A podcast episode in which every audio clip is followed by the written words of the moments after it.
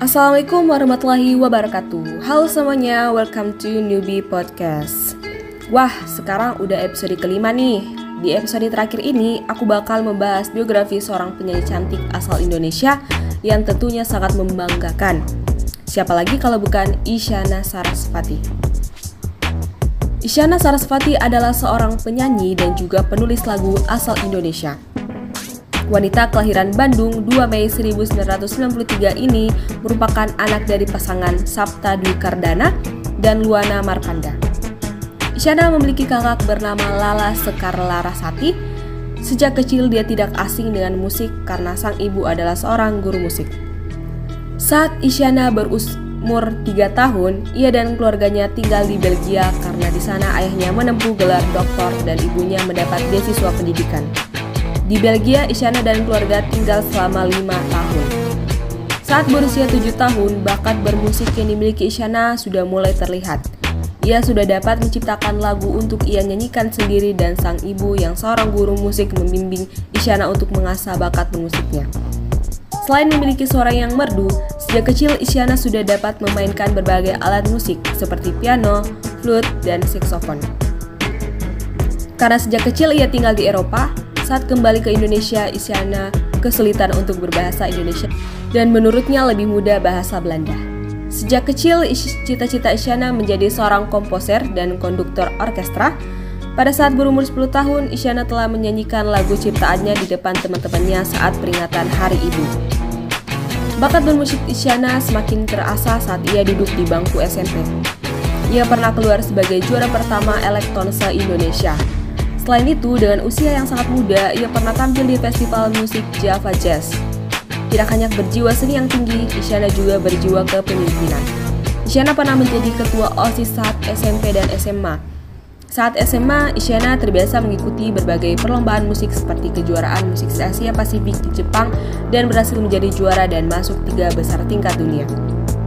Selain itu, pada lomba piano se-Jawa Barat, Isyana lagi-lagi menjadi langganan juara satu sebanyak empat kali. Saat SMA, Isyana pernah memiliki berat badan hanya 39 kg karena ia terkena penyakit anoreksia.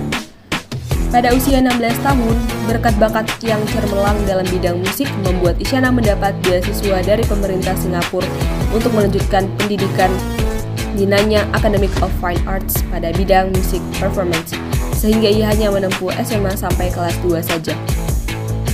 Ginanya Academic of Fine Arts, Isyana belajar tentang komposisi musik, tipe musik, dan belajar membaca notasi balok.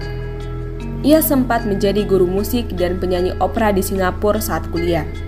Hal ini dilakukan untuk mengisi waktu luang dan menambah uang sakunya. Pada tahun 2011, saat Isyana berumur 18 tahun, ia tampil dalam acara Asia Pacific Festival. Kemudian pada tahun 2013, Isyana lulus gelar diploma dengan predikat cum laude. Kemudian, ia mendapatkan beasiswa untuk melanjutkan pendidikannya di Royal College of Music di Inggris. Dan ia pun lulus dengan predikat cum laude.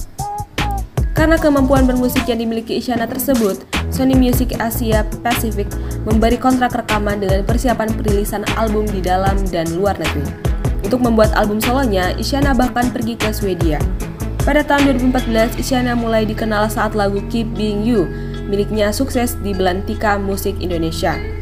Setahun kemudian, tepatnya pada tahun 2015, Isyana kembali merilis single keduanya berjudul Tetap Dalam Jiwa dan kembali sukses. Pada tahun 2015, Isyana juga sempat bermain dalam film berjudul Rana Tiga Warna. Dengan wajah yang cantik dan suara yang merdu, Isyana memiliki banyak penggemar dan karena kepopulerannya banyak label musik mendekatinya. Tapi ia tetap berada dalam label Sony Music Asia Pasifik. Oke, sebagai penutup saya akan membacakan 5 fakta menarik dari Isyana Sarasvati. Yang pertama, saat SMP ternyata ia pernah membawa mobil ke sekolah dan parkir di lapangan parkir khusus anak SMA. Kemudian yang kedua, saat menempuh kuliah di Singapura, Ternyata ia pernah iseng-iseng menjadi guru musik, bahkan yang pernah mempunyai murid yang berusia 40 tahun. Kemudian yang ketiga, ia terkenal suka iseng, tapi yang paling benci jika diisengin balik dengan ditakut-takutin kodok ataupun cicak. Kemudian yang keempat, meskipun menganut aliran musik klasik, ternyata ia ngefans dengan Justin Bieber. Selain karena lagunya yang asik, dia juga menyukai kreativitas Justin Bieber dalam mengolah lagu.